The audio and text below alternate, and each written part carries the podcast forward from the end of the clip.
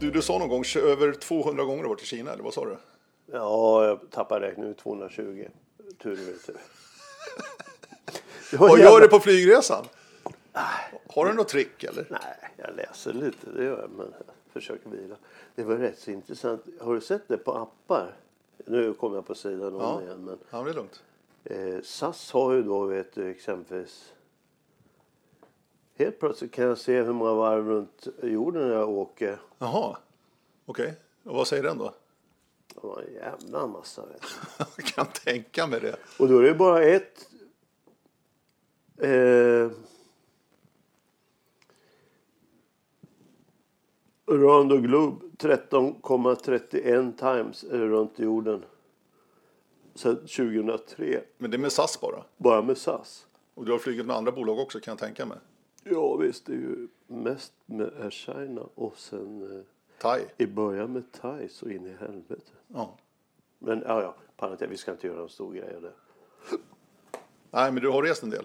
Det, det har hänt. det har hänt. Men, ja, ja, vi, ja, du får se om du kan linda in det. Det gör inte mig något. Men, ja, ja. Vi kör.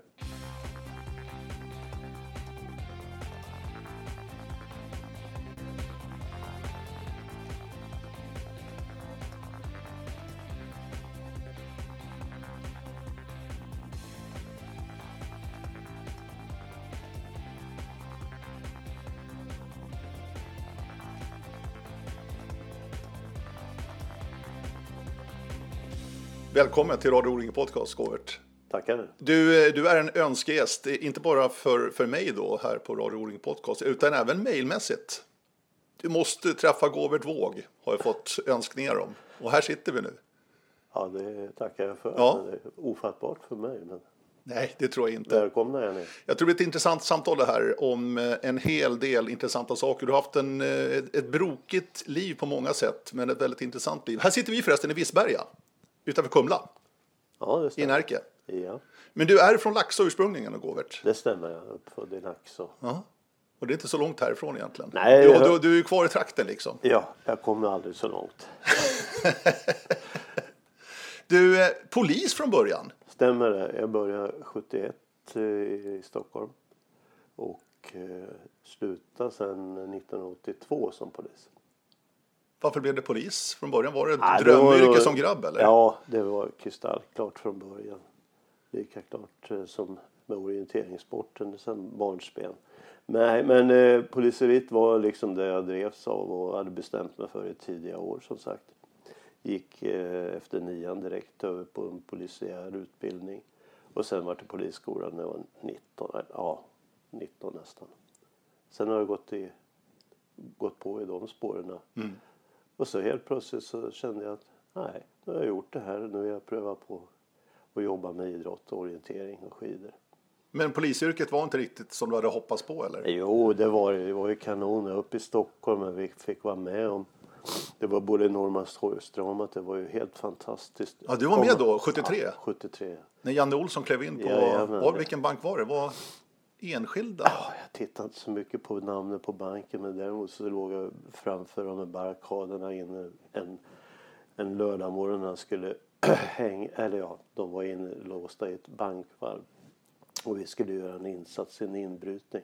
Tack och lov vart den avbruten för, utav högsta, högsta ort, så att det var Palme som sa från mig den tiden.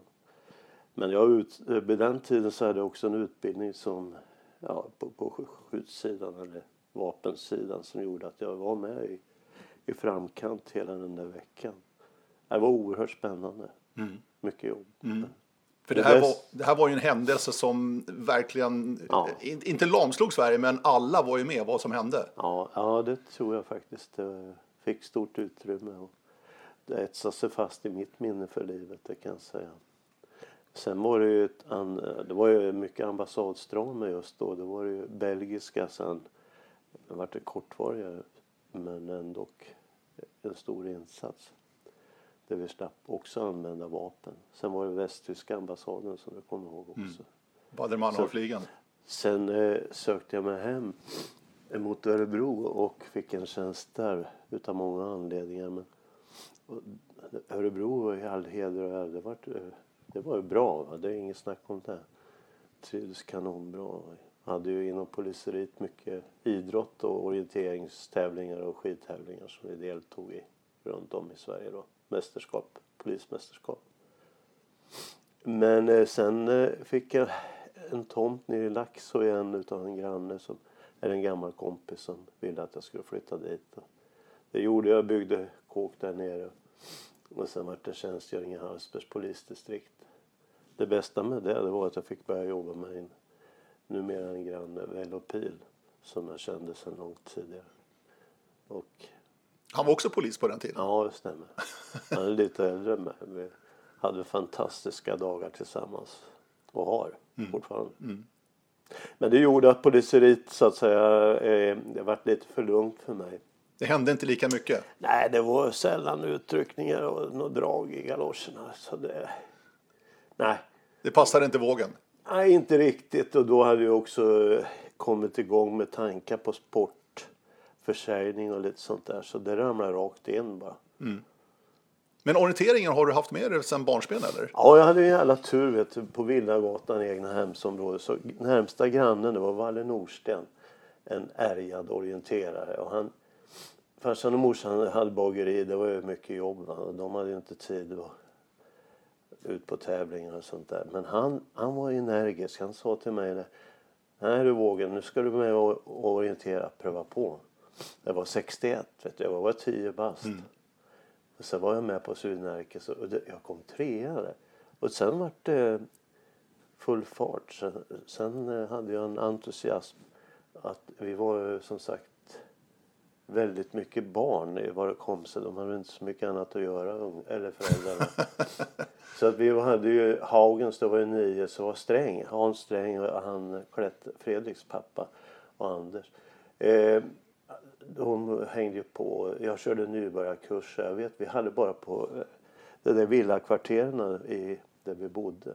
Det hade vi 25-30 ungdomar som vi I Laxå? i Laxå på den tiden. Det är fantastiskt. Och det var bara kvarteret, sen hade vi ytterligare. Men då hade vi Valle Norsten, vi hade tagit Hammer på den tiden som var en legendar med kartritning och, och duktig. Så då var det full fart. Spännande. Du, eh, jag har läst så här eh, inför vårt samtal här Govert att eh, både benämningen orienteringsentreprenör och motionsentreprenör har jag också sett nämnas i samband med ditt namn Govert. Jaha. Entreprenör i alla fall. Ja, det, kan vi slå fast. Det, det tror jag nog. Ja. För efter det polisiära så Vello och du ja, bestämde er för att lämna polisen och göra någonting annat. det stämmer. Vad, vad, och då blev det Ja, sport det- och motion. Sport och motion, ja. ja. Eh, det drev vi då både som postorderföretag och eh, ja, minutförsäljning i butik. Och sen, sen 79 så, nej, egentligen började jag 78 med O-ringen-tävlingen nere utanför Skara, Axheda. Ax, Axvall. Axvall heter det. Mm, precis. Stämmer. Ja, det i alla fall var Sixten Kiosk som hade haft försäljning några år. Det säger inte så jävla mycket. Men han hade en, en liten låda på 100 kvadrat och det stod folk och trängde. Så jag såg en affärsidé det där. Så 79 så fixade vi med Roffe Gunnarsson och Arnby att vi fick ensamrätt på sportförsäljning. När det var här i Örebro. Stämmer. Och eh, vi hade 1500 kvadrat och det där drog ju ögonen till sig för våra orienterare. På den tiden hade vi också börjat lansera egna skor. SM-skon hette den då. Och vi var först ut med en riktigt dubbad orienteringssko som vi släppte då i samband med O-ringen. Och vart en jäkla succé. För övrigt kan jag säga en sko, SM-skon kostade då 139 kronor. Ja, du har kvar broschyrerna faktiskt. Det var spännande att se tycker jag. Ja, det är lite skillnad mot dagens pris. Men jag har faktiskt varit med och startat upp den där biten och sen var det spikskor 79 till VM. Jogge och Roffe Pettersson, Kjell Laure sprang iväg med 15 mm spik och fick världens skavsår bak på. Men det kan, vi, det kan jag tala om nu, men vid den tiden var det lite genant. Okej, sen har eh, åren har gått men eh, jag finns lite kvar i skoindustrin. Jag är med och lanserar ett märke som heter Envy eh, via No Name som jag är delägare i. Just det. Men du, ta oss tillbaka till här skorna till att börja med. För att numera så tillverkas skorna i Kina företrädesvis. De flesta skorna, orienteringsskorna. Men då var det Kumla, för Kumla är en gammal skostad. Är det därför du hade det här med skor på, på näthinnan eller? Jag hade ju en kontaktyta men om sanningen inte säga det är väl både Kumla men framförallt Örebro. Det gamla Oscariahuset där Lege fanns, Göran och Lars-Erik Karlsson som var fantastiska skogubbar och eh, kunskapsmässigt nummer ett. Så att eh, tillsammans så använde vi då Jörgen Mårtensson, Kjell Auri, Roffe Pettersson som ja, hade synpunkter på hur en ny orienteringssko skulle se ut. En, lite mer komfortabel. Inte illa med mot Kompassrosen och Nokia Ceesay. Men, eh, men det, det var, var konkurrenterna på den sidan? Ja, just det. det var, mm. Så var det. Men tillverkningsmässigt då? En orienteringssko ganska komplex eller? Ja, det är klart att eh, innovativa grejer kom det ju men det kostar också på. Det kan jag vara ärlig att säga. Men eh, om jag drar något år framåt, 79 försäljningen var kanon. Vi sålde för några miljoner där. Det var ju makalöst mycket tyckte vi då. Orienterade var nöjd. Och sen gick vi 80. Då gick vi vidare upp till, till Uppsala. Och succén gick på. Men samtidigt så började de jäkla knotterna eller dobbarna på skorna. Nu pratar jag skor igen. Mm eh, ge sig så att det vart som krater. Det var ett PU-material, polyuretan, som inte ja, långsiktigt höll måttet utan eh, det vart så poröst och till slut så tålde det inte påfrestningen. Så att, ja, det var en hel del plastpåsar som kom tillbaka och i dem så låg det ju då eh, väl begagnade skor med, utan dobbar. Med andra ord reklamation. Men det tog vi på den tiden utan problem. Men eh, det eskalerade. Så 81 nu uppe i Hälsingland. Då hade vi dessutom lanserat våra nya tungkompass, Nordkompassen tillsammans med Bertil och Arne. Bertil Norman, Arne Yngström. Ja. Mm. Och det där fick ju också jävla fart faktiskt.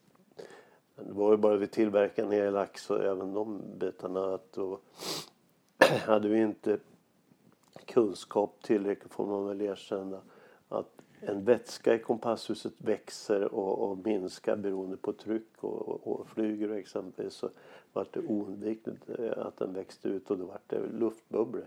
Så att, vi hade väl en hel del problem vi hade mycket nöje också med kompassen. Så helt plötsligt så, så kom O-ringen igen då i Hälsingland. Hade folk som regel två plastpåsar när de kom fram. Eh, då var kompasser i den ena och sen var skorna i den andra. Det är ju sådana minnen man har kvar. Naturligtvis så sålde vi nya skor också. Men eh, det var tufft. Är det, är, det en, är det en startsträcka man får räkna med lite grann? Man ger sig in i ja, nya branscher och nya produkter? Det tror jag man kan säga. Absolut. Eh, vi var lite kanske lite snabba och vågade på det här. Och sen inte tillräckligt med erfarenhet, det måste man nog säga. Men okej, okay, det trampade på så att vi körde ju vidare med O-ringen. Och det var ju fantastiskt. och Omsättningen ökade. Och vi vart intressanta för bolaget Silva sen. Och det, vi gjorde ett avslut på Sport och motion i första läget i samband med, eh, ska vi se här, 82, 83 tre i samband med Anderstorp, mm. Småland. Eh, efter O-ringen där så gick jag över till Silva och sen var jag där till eh, kunde inte hålla mig längre än till 88 för att vara ärlig. Så 89 stod vi i Sport namn igen på O-ringen i Östersund. Med nya skor och nya idéer. Mm. Och på tal om nya idéer, du Govert och ni tog ju fram skorna med metalldobb i gummidobbarna. Ja, ja, det var ni först med. Jajamän. Och det där var ju riktig handpåläggning. Ja, det var det. Om I jag förstår det rätt. I dubbel bemärkelse. Ja, hur, hur ja, gick tankarna där? Och... Första 10 000 par måste jag vara ärlig och säga. De stod ju här och handborrade och pluggade in spik. På hemmaplan Sen, liksom? Ja, det kan jag säga. Det är på min altan där uppe. Okej. Okay. Ja, det är härliga minnen. Vi var en hel kedja med orienterare som genomförde det där. Men sen har det ju naturligtvis eh, utvecklats. Tack och lov kan man säga. Mm. Det var ett tufft jobb. Men du, är- det som lite man minns lumpen? Man minns bara de, de roliga sidorna, de goda dagarna liksom. Det fanns ju dåliga dagar också, men det måste vara tufft också under åren här. Det är klart som. Det var, det var oerhört tufft mellan varven. Det var mycket jobb.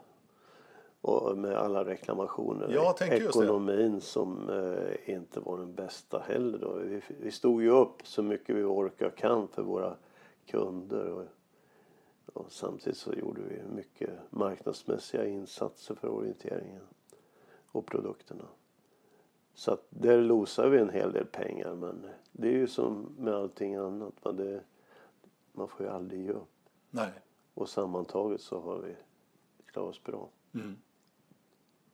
Och idag då när du ser O-ringen, sporttältet som finns nu för tiden, Ja. är, är det ungefär samma som det såg ut då när du drog igång 78? Ja, det är inte... Eller 79, förlåt. 79 stämmer bra. Det är klart att det är utvecklat lite till men jag tror nog 80, 89 i Östersund exempelvis det är inte någon stor skillnad på butik då och idag. Inte illa ment mot Alevals nu utan de är duktiga men det var vi också. Mm. Du som varit med i den här svängen, hur är orienteraren generellt som kund? Är den snål, som man hör då och då? Nej, det finns kanske de som är ekonomiskt sinnade och vill, vill inte kosta på sig det bästa. Men vi har ju väldigt många idag. Idag kostar en orienteringssko runt 1500 kronor. Och det är klart ska du ha. Det är det besvärligaste som finns att tillverka så är det en orienteringssko. finns ingen svårare produkt att tillverka. Det är så? Ja. Beroende på att det är ett enormt slitage och eh, påfrestning? Ja, de hinner som... Precis, ja det är det. det. Dessutom så hinner de sällan eller aldrig torkas. Och det, ja, det, det, men det är ju en utmaning. Jätte, och det har gått framåt enormt som det, och alla ni vet. Men det är roligt att ha en del i historien för att vi, vi startade jag har varit med sedan 61 som jag sa tidigare med Magnusskon, en norsk sko och sen var det Nokia, Benoskon och ja, det är ju många som har passerat revy så man jag var otroligt, jag hade skomuseum här hemma på alla modeller genom åren. Det är rätt så intressant. Jag har en, en hustrun gillar inte det här något vidare så jag vet inte fan om, om Mm. det finns kvar. Men delar finns nog kvar. Vilken var den största succén genom åren, rent skomässigt vad du minns, Govert? Ja, jag- det är många som lyssnar som var med på den här tiden. Ja visst, nej men det vet ni ju själva. Det är ju, Passrosen var ju oslagbar när den lanserades. De var ganska ensam på marknaden ganska Ja länge. visst, det var ju 60-talet. Ja. Det var ju en rysare. Va? Men du vet, du köp, köpte ett par så hängde du i ett par år med dem. Va? Men sen när vi släppte SM-skon, jag vet ett år vi plöjde iväg närmare 30 000 par skor. Det gör Wow. Det gör du inte i år. Eller Nej, inte nej, idag nej, alltså. nej, det är ingen som är i närheten av det. Då är det glöd i kartongerna, jävlar anamma. Mm. Då gäller det att langa ut. Men berodde det på att den var bättre uppbyggd helt enkelt, hela skon? Jämfört med kompassrosen var inte speciellt uppbyggd. Nej, men det var väl eh, sammantaget då med Mårten och Jörgen då, och och Kjell och Roffe och Öyvind Thorn och vi hade och vi hade ju alla elitorienterare på skorna. 30 000. Ja, lite drygt. Ja. Och då pratar vi nu 79-80 där någonstans. Ja, precis. 81. Ja, 81. Ja, och sen var det då när vi kom med de här dubbade skorna, spikskorna. Det gick ju så långt så de började ju sen, som du vet, förbjuda spikskor, men det var ju lite senare. Men ändå. De började snacka om att vi ja, förstörde naturen. Vad var det nu var. Jag ska inte ge mig in i den verkstaden, det är inte min avdelning. Nej. Hur som helst, under de här åren så du skapar ju väldigt mycket kontakter. Ja, det är klart. Du har ju ett enormt kontaktnät. Ja, det har. Inte tu tal om annat. Och en, en stor del av det här samtalet ska handla om eh, PVT, alltså Park World Tour. Ja. Där ju du var med och drog igång första tävlingen den 13 juni 1996 i Vasa i Finland. Ja. Men ta oss till idén och, och eh, när ni drog igång det här, hur, hur gick snacket liksom? Ja, det är ju i och för sig inga konstigheter. Jag jobbar i den här miljön och, och levde i miljön kanske alldeles för lite som aktiv men allt, allt som rörde sig så var man med på eh, elittävlingar och sånt. Så att 85 i juni, Skellefteå Per. Mm, just det, i samband med Nordiska, Nordiska mästerskapen. mästerskapen på tolfte våningen hade jag ett ganska stort rum där. Och där vart det ett mötesrum som inte gick av för hacke. In på eh, rummet så var Jörgen Mårtensson, Hasse Mårten, Anders Westergård, Erik Unos, Jaroslav Kaczmarczyk, Sepp Hartinger. Eh, vem har jag glömt mer? Jag själv varit där också. Ja. Och sen började vi rita och berätta för varandra. Och sen slog vi varandra i näven och sen har vi bildat, bildat någonting som var starten till Park World Tour. Parkway Tour. Och det är 95 alltså, i ja, juni 95 var det i Nordiska mästerskapen i Skellefteå. Stämmer. Som i allra högsta grad var själv inblandad i. Ja, jag vet. Bodde i Skellefteå på den tiden faktiskt. Ja. Eh, Spännande. Jaha, eh, och sen då till 96 och efter det där mötet så jobbar ni fram ett, ett koncept till att börja med. Ja, alltså efter juni 95 så började ett ganska tufft arbete, gediget arbete och planera för starten som vi hade bestämt skulle ske i Vasa eh, 96 då. Det gäller att hitta sponsorer. En av kriterierna i PVTs koncept var att vi skulle ha prispengar. Det skulle bli orienteringens rock'n'roll från början med lite ja, från start på scen och mål på scen eller omgivningen nära med underhållning för vanliga människor som skulle kunna tycka det var intressant. Bild, eller ja, stora tv-skärmar och gärna tv-sänt också. Sen eh, ja, så bestämde vi då tävlingskalendern för 2000 Nej, eller 96. 96. Åren går så jävla fort. Ja, ja. Ja, 96. Ja. Ja, det, var... Men en tanke var liksom att ni insåg att eh, folket kommer inte till orientering till skogen för vi måste lyfta in det till folket. ett komplement skulle jag nog vilja säga från början. Eh, alla var vi ju skogsorienterade som jobbar med det. Vi ville ju inget hellre. Vi älskar ju våran sport. En kille jag glömde där var Ola Gustafsson förresten som var med hänförde också i början. Skogssport, Ola Gustafsson alltså. Ja, precis. Och det där gjorde liksom... Vi gav aldrig avkall på att trampa någon på tårna som arrangerar ute i skogen. Men det här var ett komplement som vi sa till att börja med. Sen fick det ju...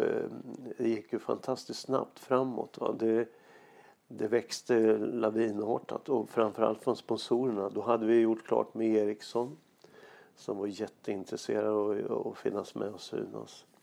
Sen hade vi Volvo, vi hade Outokumpu och vi hade Sandvik. Vi hade ett antal mindre sponsorer också som var med. Och på den vägen var det 96. Då var de med Kurt Hellström, Anders Larsson från Ericsson och Gert Lundmark och, och med flera från Outokumpu. Staffan var där också. Men eh, i alla fall så såg de en potential mot Asien redan i slutet av 96, 97 när vi kom in där. Så eh, genomförde vi de tävlingarna i Europa och det gick jättebra. Och vi hade de flesta elitorienterarna med oss. Men redan då under 97 så var, eh, jobbade vi heltid, Jörgen och jag, med att lansera en idé mot Asien och Kina. Mm. Så att, eh, och det var också ett krav från eh, Ericssons sida framför allt. Ni måste in i Kina.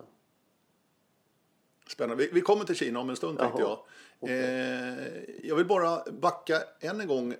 Det här är ju väldigt nytt med en parkorientering så att säga på den här tiden. Vi får ändå sätta oss i den tiden, 96. Då var det ju skogen Ja, ja. som var orienteraren och vårat Ja, ja. element verkligen. Hur mottogs det här bland framförallt löparna då att det här var ju något helt nytt egentligen som ni kom med?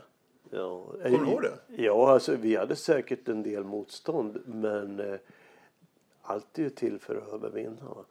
Och de som var med, de, alla fick inte vara med utan vi hade maximerat startfält. De bästa var med och inbjudna internationella löpare inklusive.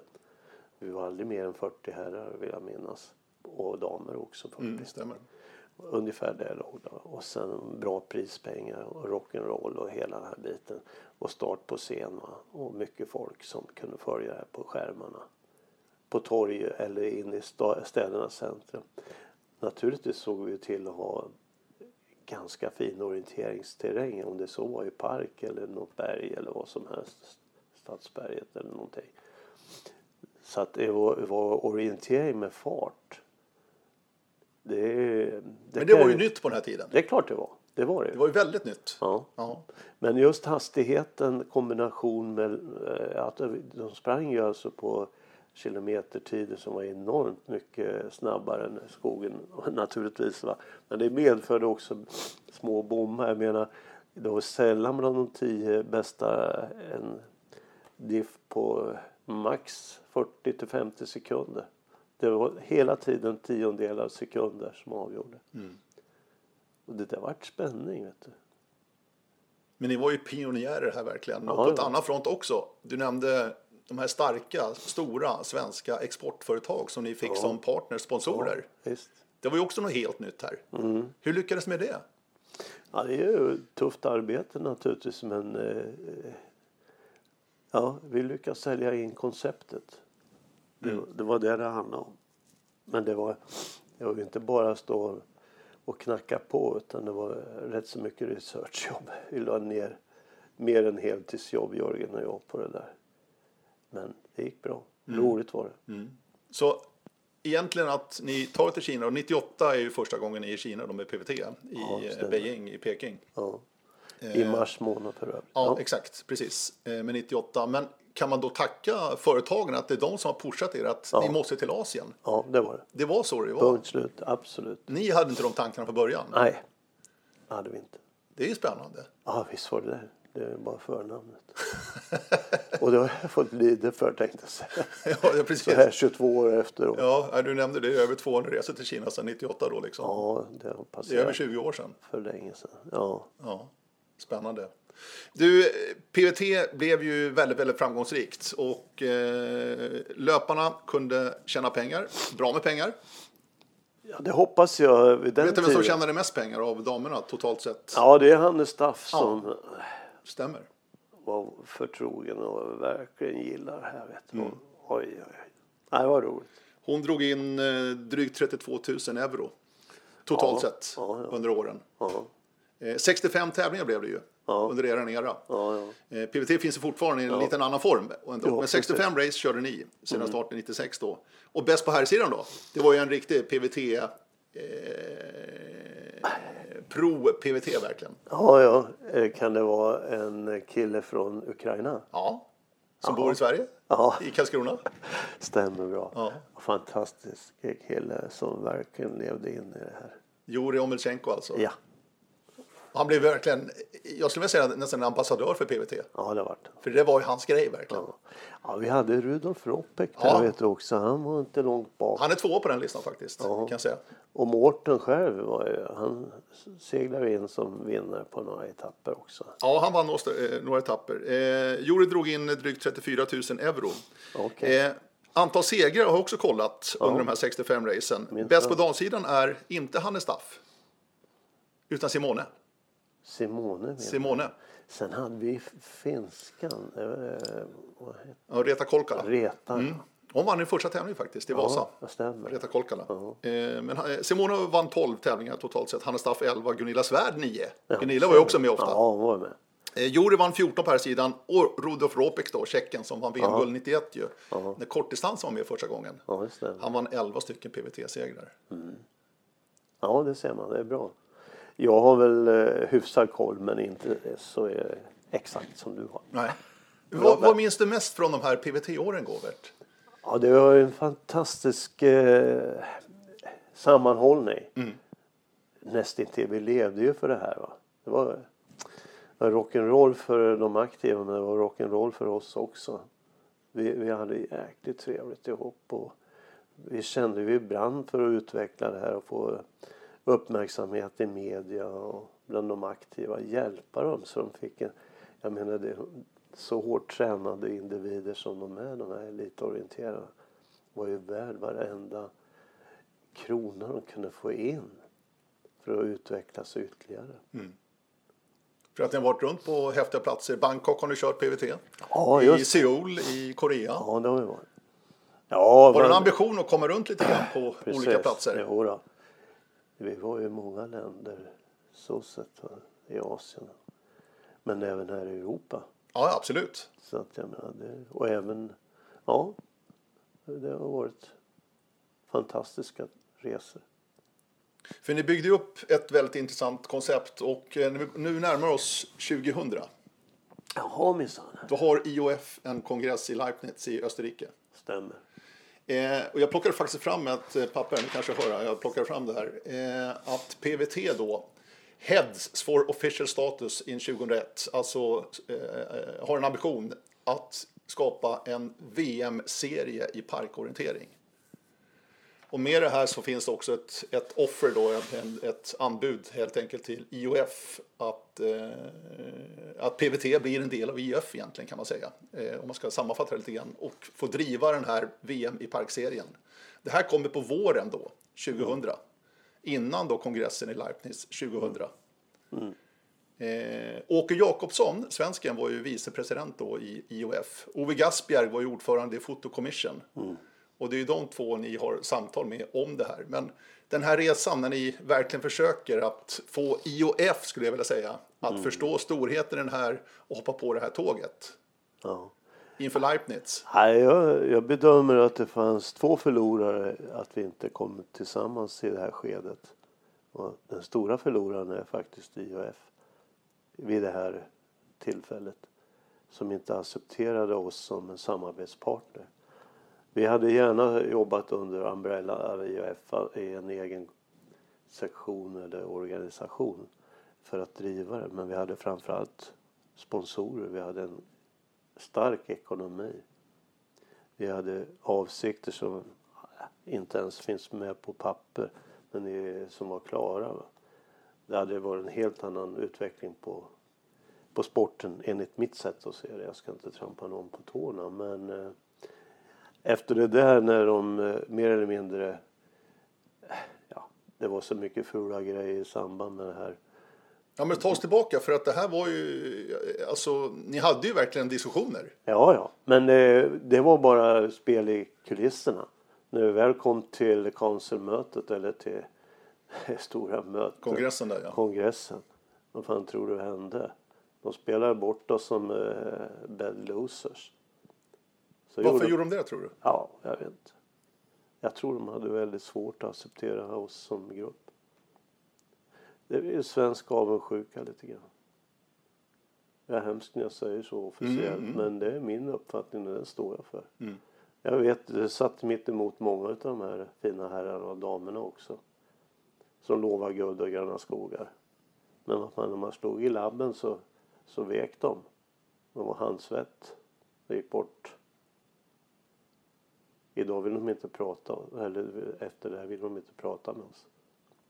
Då kände jag och med fler utav mig att nu får det vara nog. Då glöden rann ut. Ni gjorde det? Ja, ja definitivt. Då satsade jag i Kina exempelvis och Jör- Jörgen. Och vi, ja, man kände att vi kunde aldrig komma fram in till den organisationen.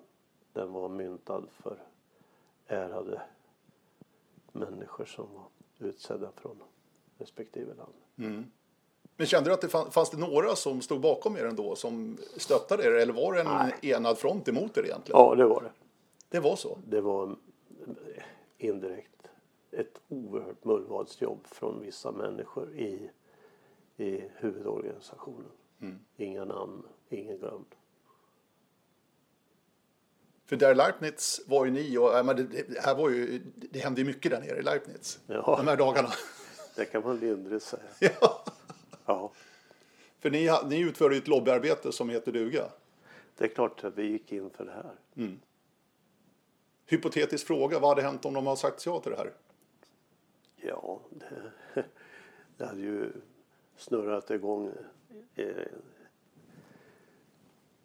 med en väldig fart när det gäller utveckling av det här konceptet vi hade. Jag menar, det förstår ju ni alla som lyssnar att hade vi fått en offe, officiell status som VM, VM-gren. Det är ju unikt. Då hade vägarna öppnats internationellt. Mm. Men framförallt på sponsorsidan. Vi hade kunnat hjälpt alla elitorienterade på ett helt annat sätt. Så att det är många förlorare i det här. Vad som hände där på kongressen då, det var ju att IOF tog istället beslutet att införa en sprintdistans på VM under VM-veckan. Ja. Redan till året efter, 2001, i Tammerfors då. Stämmer. Det enda goda med det är att Jimmy fick vinna. ja, och Jörgen Olsson fick ett brons. Ja, just. Eller vann ett brons, Ja, vann ska jag säga. Ja, ja. Men det, det, var ju, det var ju liksom IOFs svar på det här egentligen. Ja, att införa sprintdistansen på VM. Det är ju så de eh, lyckas. Ja, jag säger lura oss, men, men eh, ja, Mm. det var så det gick till. Ärligt. Uppriktigt. För man ser sen hur det genomfördes också, den, den första sprinten där i Tammerfors. Ja. Den är ja. sådär, om man ska vara ärlig. Ja, jag behöver inte kritisera. Jag var där och jag har sett det med mina egna ögon. Stod där i skogen och tittade. Det var inte riktigt PVT-standard. Det är du som säger det. Ja, jag säger det. Det kan jag säga. Med gott mod verkligen. Ja. Det var ju stor skillnad. ja, det var långt ifrån våra visioner, det kan jag säga. Men IOF visar ju att de inte har några visioner tycker jag här 2000 i Leibniz. Vad är de rädda för tror du? Ja, Det är ju dåtid Per. Det är Ja, jag vet 20 det. Jo, men det är 20 ändå intressant för att det är ett vägskäl här verkligen tycker jag. Ja, det, de vet inte vad de har missat. Men de har inte gjort något fel heller då. Så är det ju. Ja, så kan vi så- också se det i och för sig. Ja, men hur, hur ser folk på saker och ting? Antingen är du en entreprenör med fylld med risker. Men här hade vi ett koncept som vi har kört i fem år. Worldwide. I Kina, i Asien. Vi hade varit runt i Europa på de flesta ställen. Och hade ett koncept som var, vi visste, det var ingen chansning. Vi visste att vi hade en succé på att ge in till IF enligt vårat sätt att se det. Och vi var enade, vi var starka. Vi hade kompetens. Det var en av nyckelgrejerna när vi satt på rummet på tolfte våningen på Scandic i Skellefteå 95. Att plocka de bästa människorna från olika nivåer och så man må passa in i pu- pusslet. Kompetens på olika ställen. Sammanföra det i en organisation. Och det är sällan man kan lyckas med det. Men det gjorde vi. Men du sa det efter det här Leibniz och det negativa svaret då ifrån IOF. Så tappade du lusten lite grann för PVT? Ja, totalt. Det var, ja. Ja, luften gick ur liksom. Att- Hela gänget egentligen. Ja, jag menar vi sparkade oss trötta med någonting annat. Så att ganska snabbt så laddade vi på ännu hårdare Kina. Och det, ja, idag finns vi ju där då. Mm. Jag ska prata Kina nu tänkte jag. Men, men först bara stanna kvar vid PVT. För en sak som ni verkligen också var föregångare och pionjärer med. Det var att ni plockade fram en otroligt proffsig manual och guidelines. Så att tävlingarna såg likadana ut överallt. Ja, absolut. Och där la ni med mycket jobb på det här. Ja, det, det kan jag säga. Den, Alltså hur arenan ska se ut och hur ja. allt ska genomföras. Det var, Min- ju, det, det var ju detaljerat de här planerna. ja, det var minutiöst, det kan jag säga. Och det fullföljdes till 100 procent. Så att det här också, det kan vi säga utan att slå sig på bröstet. Den här manualen, den stal ju Fissen. Och det är starten till skisprint egentligen. Aha, Ja. du säger det? Ja, ja, det är ju Jurka Paul, våra polare. Så att det, men det var ju inga hard feelings. Men han, han köpte idén han. Han köpte idén. Vårt eget skrå, så att säga, orienteringen. Det vart en nobben. Men skisprint är en följd av Parkway Tour. Ja, ni, var, ni var verkligen föregångare här på den, eh, på den punkten. Definitivt. För det fanns ju ingenting sånt här när det gäller IOF-världen på den här tiden. Nej, Vad gäller manualer och guidelines. När det gäller VM. nej. Så var det ju. Du, ska vi ta oss till Kina då? Ja, Ditt det, andra hemland, ja, Robert. ja, Det har det blivit. det är konstigt egentligen att det har blivit så. Men ja, saker och ting ger sig. Man, det är det som är så skönt. Va? Med sportens hjälp så kan man eh, skriva nya stories hela tiden. Du har varit runt ganska mycket i Kina. Ja, jag har sett alla Alla provinser? Alla provinser. Jörgen och jag la mer eller mindre tre år för att lära känna. Jag har ju ingen bakgrund vet du som eh, ja, dålig på språk och det mesta är väl si och så. Va? Kultur och sånt där. Ja, idrott kan man hyfsat. Va? Så vi flög runt, Mårten och jag, och trampade runt. Tänkte tre år vet du. Mm. I tre provinser. Eller alla 30. Vi var ju inne i 31 provinser. Bara för att hitta och lära känna var ska vi vara, var ska vi vara. Eller ja, vad kan mm. vi arrangera där. Vi hade turen då ganska snabbt första gången vi över träffade en kvinna som hette Donna, Donna Li. Och hon förstod vår affärsidé efter vi sprang igång i Shinghai University i mars som jag sa tidigare. Precis, vi har en fantastisk bild här på bordet här på Jörgen Mårtensson och Petter Thoresen ja. känner, känner, jag igen. Det är lite suddig bilden men ja. utanför det här fönstret som det ser ut att vara ja. så är det massa studenter som radar upp sig. Vad är det som händer här? Ja, det var ju efter våran tävling PVT 98. Tävling, 98. Mm. Shinghai University är absolut nummer ett i Kina. Eh, där hade vi ritat karta. Det kan jag lägga till också. I det här konceptet från början så hade vi specialritade kartor. Mm. Ofta på 5000 del och däromkring. Ja. Väldigt välgjorda. Så det var ju inga slumpmässiga partier som valdes ut utan alltid kriterierna att vi hade en bra karta som avgjorde vad vi skulle tävla. Okej, okay, bak till Shinghai University. Tävlingarna gick bra. Eh, Lucy Böhm eh, skadade sig tyvärr. Det var det jag kommer ihåg det mest. Eh, hon föll över något cykelställ och det var lite problem med henne. Mm. Annars var hon ju stor favorit just då. Eh, Okej, okay. tävlingarna gick hyfsat bra. Eller hyfsat, gick väldigt bra. Sen var det seminarier efter lunchen som vi skulle genomföra för att få igång orienteringen i Kina som var helt utan eh, utövare. De visste knappt vad orientering var. Nej. Det var helt nytt det här för kineserna. Ja det var det. Det kan man lindrigt säga. Vet. Och nåja, vi kommer tillbaks. Mort, eller jag och jag, jag, körde, jag jobbade på Silva några år där och hade förmånen att få resa i Europa och försöka lansera orienteringen. Mycket seminarier och sånt där.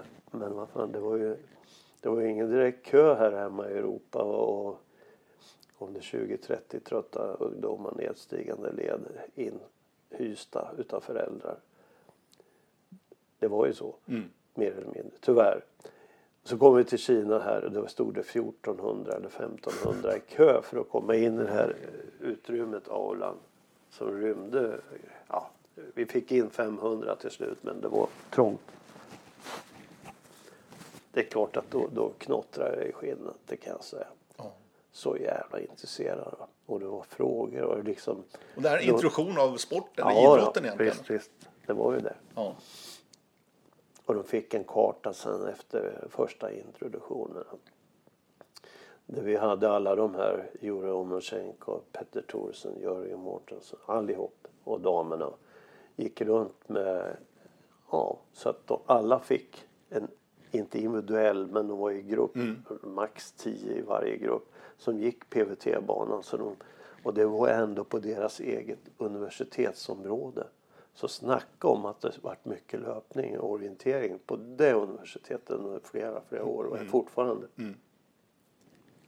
Det där var ett minne för livet. Det var starkt.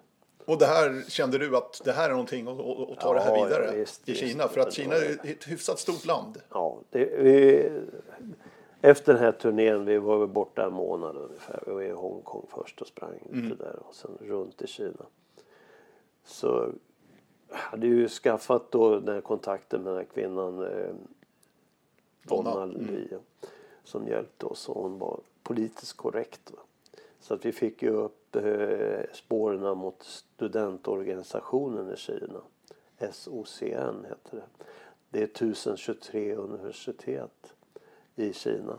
Så vi skrev ett exklusivt avtal här senare hemma i Visberga med högsta ledningen av Kinas studentorganisation, idrottsorganisation tillsammans med Lennart Karlberg, dåvarande generalsekreterare i, idrotts svenska vad heter det? Riksidrottsförbundet. Riksidrottsförbundet. Mm. Och ambassadörer och, och landshövdingar och Örebro universitet. Jaha, det var hela gänget var med där? Hela ligan. Jag tror vi var en 30 stycken här ute och hade helmiddag och, och vackra tal. Ericsson var med och Volvo var här med folk. Mm. Och göra den här satsningen som var liksom, ja, som tog fart. Och det vart också underskrift och sen fram, eh, tog vi fram en bok. Göran Andersson var med och skrev den här på kinesiska. En väldigt fin Det var orientering handlar om? Ja, mm. precis. På kinesiska? Med Jurij Omrchenko på omslaget jag? Jajamän. Nej, men så vart det gärna fart vet du sen och ut på universiteten. Så var det drag i galoscherna. Men då, ni åkte runt helt enkelt. Ja. Ni såg till att det ritades en karta. Mm. Och sen ut. Hade någon aktivitet? Ja, någon genomgång och aktivitet liksom? Ja, vi hade ju Kenneth, Kajsa, Jonte. Vi hade jättemånga duktiga svenskar, norskar och tjecker. Jag tror vi hade en 50-tal och, eh, damer och herrar som hjälpte till att rita kartor lite Oj, så många? Ja. ja, det var en jäkla fart. Vet du.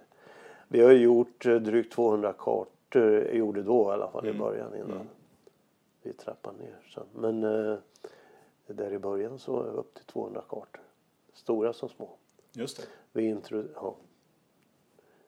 Och sen tillbaka då och fortsätta den här missionärsresan nästan runt i Kina då på universiteten? Ja, Eller hur, hur går det ja, till? Jo, hur det gick det till? Det var ju så. Sen började vi lansera också Yunnan eh, Orientering Festival. Det var eh, 2000. Ja, vi började 99 egentligen men 2000 då hade vi jag tror vi, vi hade inte ett chartrat plan men vi hade drygt jag tror över 400 Eh, nordbor kan vi säga och europeer som eh, var med och deltog där nere.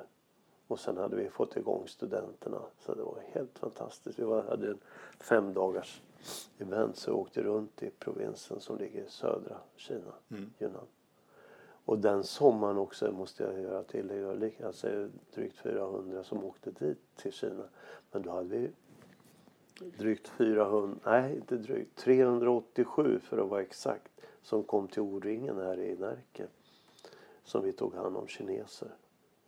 Med varierad framgång på löpningen kan jag säga. Just det. Men alla kom hem. Ja, men du har ju fantastiska bilder från ja, 2000. Ja, ja. Här ja, Hallsberg då, den här ja, regniga O-ringen-veckan 2000. Ja, den sitter ju med. För då härbärgerades de utanför Åsbro? Ja, det stämmer. Mm. Ja, vi hade elva flygbussar körde runt med Ericsson sponsrade och Volvo hade tio personbilar som är involverat. Så det var jäkla kalas alltså. Det var räkmacka. Det var, det var guvernörer hit och dit och ambassadfolk. Det var otroligt hög nivå. Vad, vad, vad, var orsaken till det här? Att du och ni såg att äh, vi måste ta hit kineserna till O-ringen? Ja, det var ju...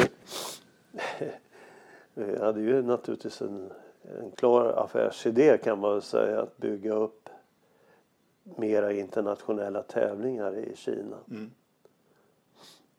Och få orienteringen utvecklad som det ska vara. Sverige är ju ett framgångsrikt land när det gäller orienteringssporten och Norden och Europa. Så det var det bästa vi kunde visa. Det är O-ringen. Mm. Och vad hände under veckan där? Wang Yongxia var ju här bland annat. Kommer ja, jag, kom jag ihåg faktiskt. Ja, Hon som eh, sprang hem eh, VM-guld i Stuttgart. Och höll ju ja. världsrekord länge också på 10 000. Ja, även på korta distans 5 och 3 000. Ja. Mm.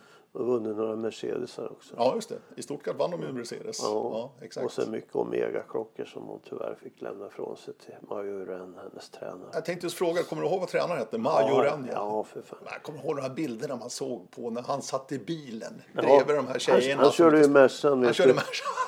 Han kör, och de fick springa runt sjön. Det här är rätt så intressant för jag har varit på plats och sett hur det går till. Eh, det var nere utanför Kunming på 1150 meters höjd. Där de valt ut exakt det bästa tänkbara läge. Det var deras eh, eldorado för löpträningen inför mästerskapet. Då sprang de runt en sjö som var 6 km. Han körde bil bakom. De körde ett maraton varje dag. Mm. hur, hur det var med sköldpaddsblod och hela Nej, det. Det vet du sjutton, det kan jag inte skriva under på. Och, och som käkas överhuvudtaget. Men duktiga och trevliga människor. Så hon bodde här faktiskt hemma hos mig en sommar. Eh, en trevlig människa och Mm. hennes karl och så. Ja. Hur var hon som orienterare då, Wang Jungxia? Ja, det är väl kanske lite mer att, att ge- det. Jugge var ju lärare så han vann ju första etappen nere i Laxå då naturligtvis. På kort, eller det var ju Ja, det. en sån här direktanmälan. Mm. Men hon vart väl ingen stjärnskott i orientering om jag ska vara ärlig. Nej. Tyvärr. Men många var här och du sa det också, många höjdare också. För att i Kina är det ju väldigt viktigt det här med att hitta rätt folk på rätt nivå som kan ta beslut. Ja, det är helt avgörande. Det är bara så. Stämplar är viktiga. Ja. ja. Men var det några höjdare här då, 2000 så att säga? Ja, vi hade ju verkligen från Riks, eller jag, jag kallar Riksidrottsförbundet i Kina. Förutom då skol, eh, skol eh, Idrottsförbundet. idrottsförbundets högsta ledning. Det var guvernörer och det var från, eh, ja, det fanns otroligt mycket meriterade människor Mm. som har hjälpt oss oerhört mycket. Så vi sådde ju frön naturligtvis där med det som komma skulle Mm. 2000. Precis. För att orienteringen blev ju ganska snabbt en officiell idrott då i Ja, Kina på stämmer bra. universitetsnivån. Ja, ja. Och hur viktigt är det? Hur viktigt var det liksom för er? Ja, det var ju otroligt viktigt att komma igång med för hela vår affärsidé var ju kring orienteringen i början. Eh, Jag hoppas vi, vi har haft en schackning på orienteringssidan. Det har varit lite konstigheter inom orienteringsförbundet. Det är ju alltid ofta så när man brinner för någonting så finns det någon som vill ha sin egen eget revir. Och för att göra en lång story kort så kan jag säga att vi kom inte överens med orienteringsförbundet i Kina. Punkt slut. Mm. Men nu börjar dörren öppnas igen. Okej. Mm. det, det, det är ju spännande. Men orienteringen får fäste och ni var där 98. Ja. Hur är gången i Kina liksom? För att du pratar om stämplar och höjdare, guvernörer och så här i provinserna. ja. Hur, hur är arbetsgången liksom för att få en accept på projektet? För att det handlar ju också om pengar ja för visst, att finansiera projekten. Ja, jag kan väl egentligen då, eh, om vi lämnar orienteringen indirekt lite en stund, för att eh, den finns alltid med. Men eh, jag kan ta och nämna exempelvis Vasaloppet. Ja, bra som idé. eh, eh, vi körde 2003 första gången. Det fick vi till ett avtal 2001. Eh, redan 2001 så gjorde vi ett femårsavtal med rätt så många miljoner inblandade och framför allt access från högsta, högsta provinsledningen. Och det har pågått och så nu kan jag glädja er som lyssnar eller jag, eh, att vi har ytterligare fem års nytt avtal. Det innebär att vi har alltså 23 års avtal genomfört Mm. i Kina. Men jag har bara gjort 18 Vasalopp än, men 19 och 20 kommer snart. Mm. Och deras provinsen är Jilin och Changchun är ju staden. Ja, det stämmer. Och så, går det till. Det, och då har vi tre event. Vi har cykel och vi har löpning och skidor. Orienteringen finns där också. Vi har naturligtvis orienteringskartor och så också. Men vi har inte lyckats riktigt så bra det tack vare det här problemet med förbundet som vill ha den här eh, tänket för sig själva lite för mycket. Men det håller på att öppna sig så det kommer att bli bra. Det är ett gigantiskt land, Kina. Ja det är det. Med 1,3-1,4 miljarder Ja. invånare, någonting sånt där. Precis, jo då. Men det är vissa platser som ni har hittat goda kontakter på, eller hur, hur, hur, Ja, hur har har, det varit? vi har kontor på tre ställen kan man säga. I södra Kina i Kunming och sen eh, det är ett inofficiellt kontor. Men och sen har vi Beijing som center och sen uppe i norra. Men naturligtvis har vi kontaktorganisationer på ett antal provinser till. Men eh, man får försöka bryta ner det här till vad det egentligen är. I en provins som vi jobbar väldigt mycket uppe i, som jag nämnde med Vasalopp och så, där borde ändå 40 miljoner människor. Du vet, inte lite. Nej. Så där har vi lagt in Vätternrundan och lite, nu har vi en massa nya idéer som kommer. Så att, eh, och nere i södra Kina där kör vi Gran Fondo cykel. Och där är orienteringen på gång. Vi har kört skidor där också. Så att, ja, det finns mycket. När du säger vi så är det alltså Nordic Waste du Ja, pratar om som ja, bolaget och som, Ja, som driver de här eventen Ja, precis. på årsbasis helt enkelt. Ja. Ni har ju liksom spridit ut dem också lite säsongsmässigt. Ja, vi är väl en 30-40 heltidsanställda så köper vi in tjänster. Så att det är rätt många involverade. Mm. Du, eh, orienteringen då, idag i Kina. Mm. Ja, ni har ju läst rubriker och så och sett att det var ett militärmästerskap som inte var så där roligt att läsa kring. Tyvärr. Men däremot så världscupen kan vi glädjas åt, tycker jag. Det finns alltså och har funnits ämnen i kinesisk orientering som håller hög klass. Inget snack om saken. Eh, det har ju funnits damer på slutet av 90-talet, början av 2000 som var topp 10. Så att det, det, finns, det finns ämnen och de är oerhört intresserade. Det handlar om att bara få igång internationellt utbyte. Mera tävlingar. Och då kommer O-ringen osökt in här. Som vi kämpar för med näbbar och klor och försöka hitta en öppning. Du, eh, du som varit i Kina så oerhört mycket de senaste 20 åren, dryga 20 åren, eh, Govert. Man, ska, man brukar ju säga att man ska ta seden dit man kommer. Ja, För Kina är ju väldigt annorlunda ja det är jämfört med vår europeiska livsstil. Ja, Vad, vad, vad har varit knepigast att adaptera till, tycker du? Eller har du adapterat till Kina när du väl är där? Äter du med pinnar alltid? till exempel. Ja, då händer det. Men eh, ja, du vet, jag är en gammal man. Så att jag kniv och gaffel. Nej, men jag äter både kinesisk mat och äter med pinnar. Men, det är väl det här med mat och, och, och kultur. Alltså det är ju inte min starkaste sida har varit. Men det är en sak som jag har fått lärt mig. När jag kom till Kina, är, som sagt utbildad polis. Så brydde mig inte speciellt mycket om engelska eller hålla föredrag och sånt där. Men det har jag haft oerhörd hjälp av Jörgen exempelvis och andra. Så idag kan jag hålla på engelska, jag kan eh, hålla seminarier och sånt. Det var en omöjlighet när jag började. Så man har utvecklats enormt som människa. Men jag har suttit på några tusen middagar, alltså det kan jag säga, det, och det har varit tufft många gånger. Men idag så Kina är ju liksom vaknat till. Det är ju friskvård. Vi pratar riktig friskvård numera.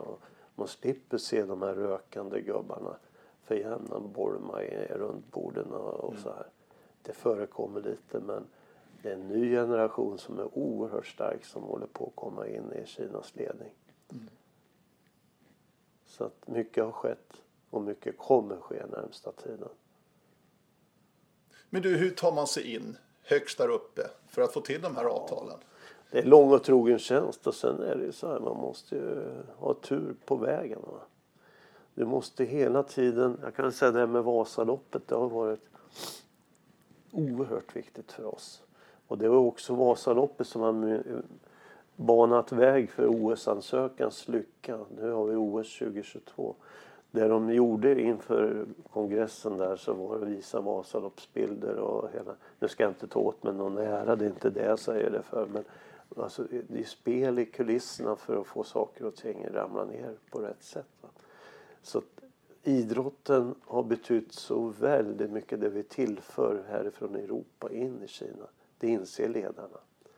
Gothia Cup är jag involverad i lite grann också. Och det, det är ju tack vare Dennis och alltihop det här är ju en fantastisk eh, grej att lansera in i Kina.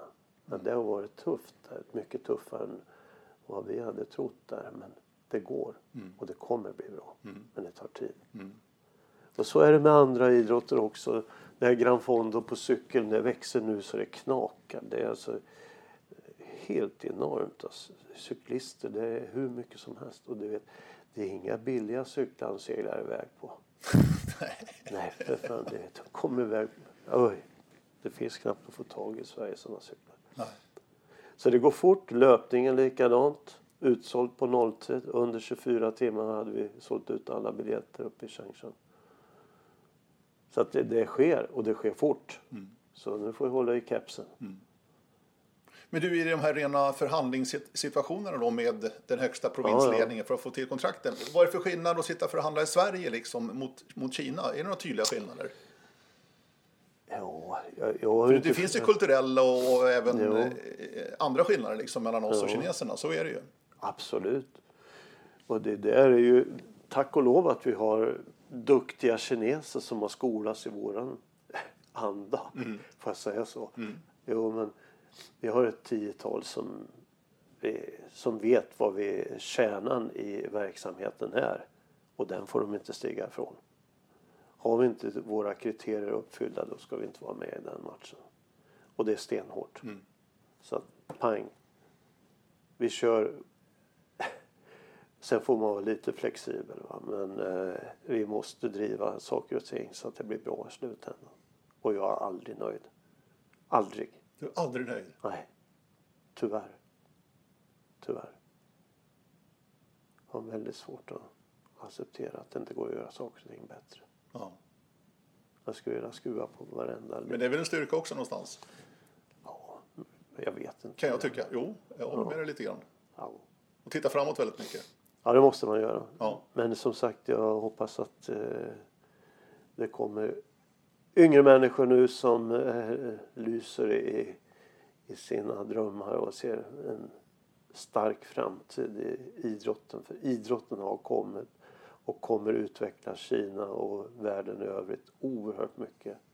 Vi behöver ha balans i tillvaron, inte bara allt jäkelskap som försiggår där ute. Idrotten för bröder. Det ska man aldrig glömma. Du, eh, avslutningsvis bara OS i Beijing nu om två år. 2022. Vinter-OS alltså. Ja, just det.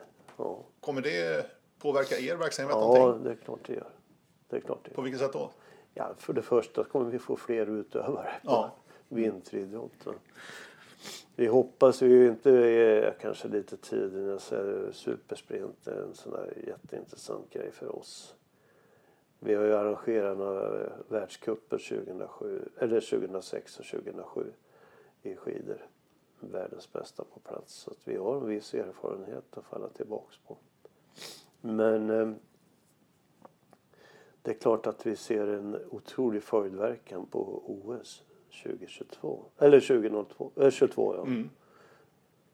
Så att eh, det kommer ge ringa på vattnet. Min känsla är ju också att när Kina bestämmer sig för någonting, Mm. då gör de det på riktigt. Ja, Går in med rejäla resurser. ja, Och det blir väl samma med OS i Peking nu med Ja, arenor och ja visst. De invigde bland annat nu höghastighetståget upp det är 27 mil utanför Beijing där vi ska ha längd och skidskytte. just det.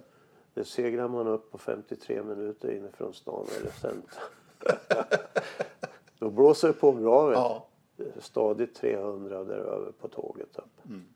Så att egentligen så ska man bo med fördel i Beijing för att åka upp till de här arenorna och så tillbaks ner till stan.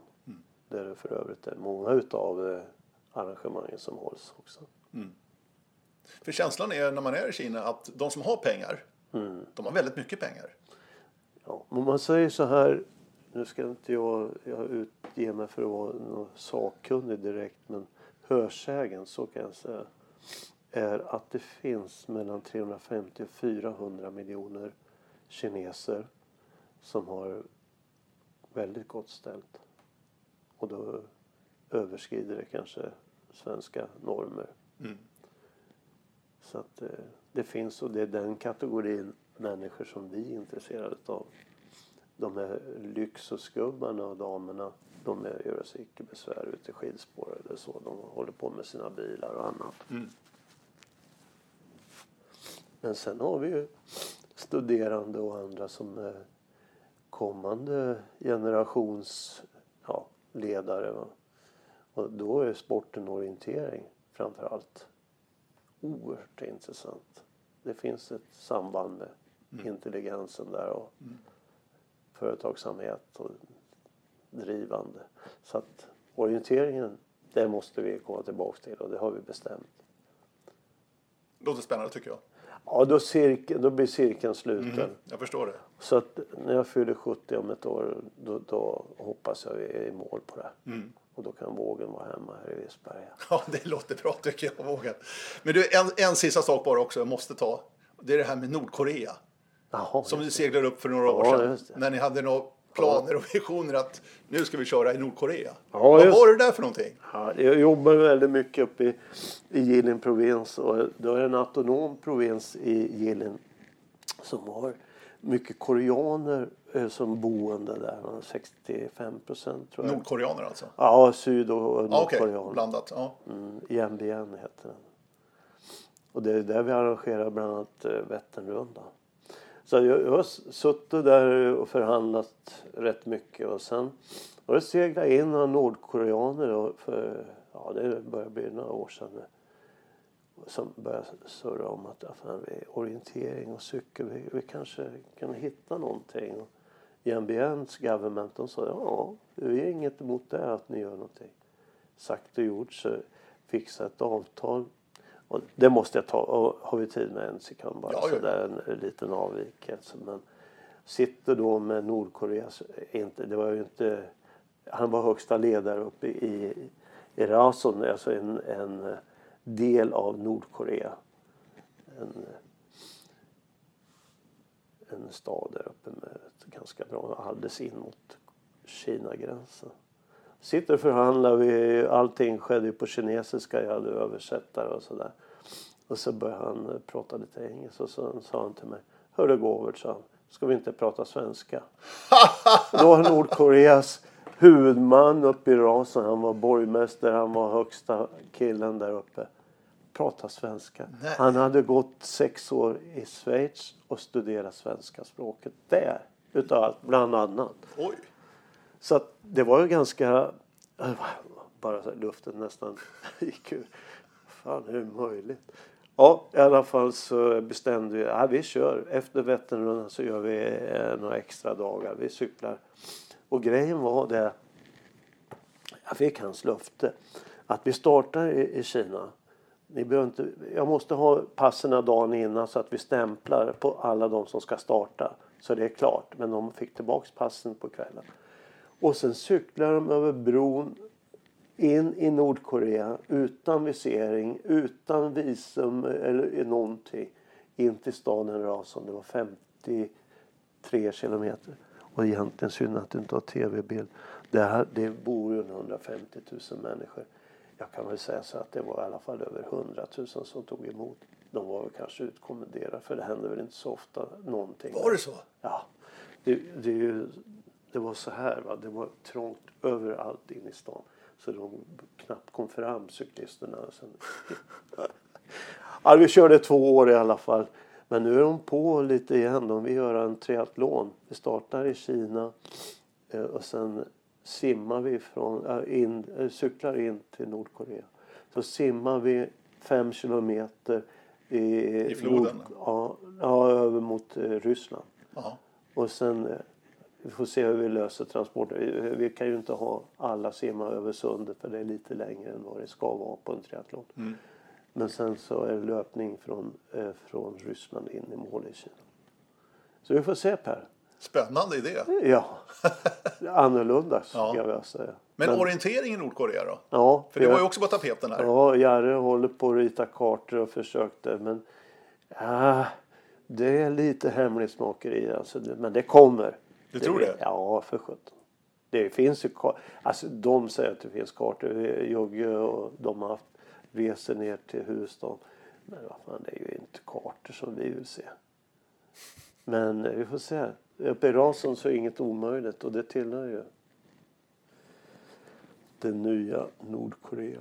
Mm. Men jag tycker Kina räcker för mig. Ja, det är ju tillräckligt stort i alla fall. Ja, Underbart Govert. Det har varit väldigt trevligt. ja tack. Ja, fantastiskt kul. Eh, Tack, hoppas ni också har eh, underhållits av Govert Våg här under en, under en timmes tid. Radio Orden podcast. Eh, tack Govert. Stort Tack ska ni ha. Verkligen. Tack. Och eh, hör gärna av er. Det här var alltså en önskning att få lyssna till Gåvert Våg här på Radio O-ringen Podcast. Hör av er, radio är adressen. Vi säger tack och hej ifrån Visberga. Hej då!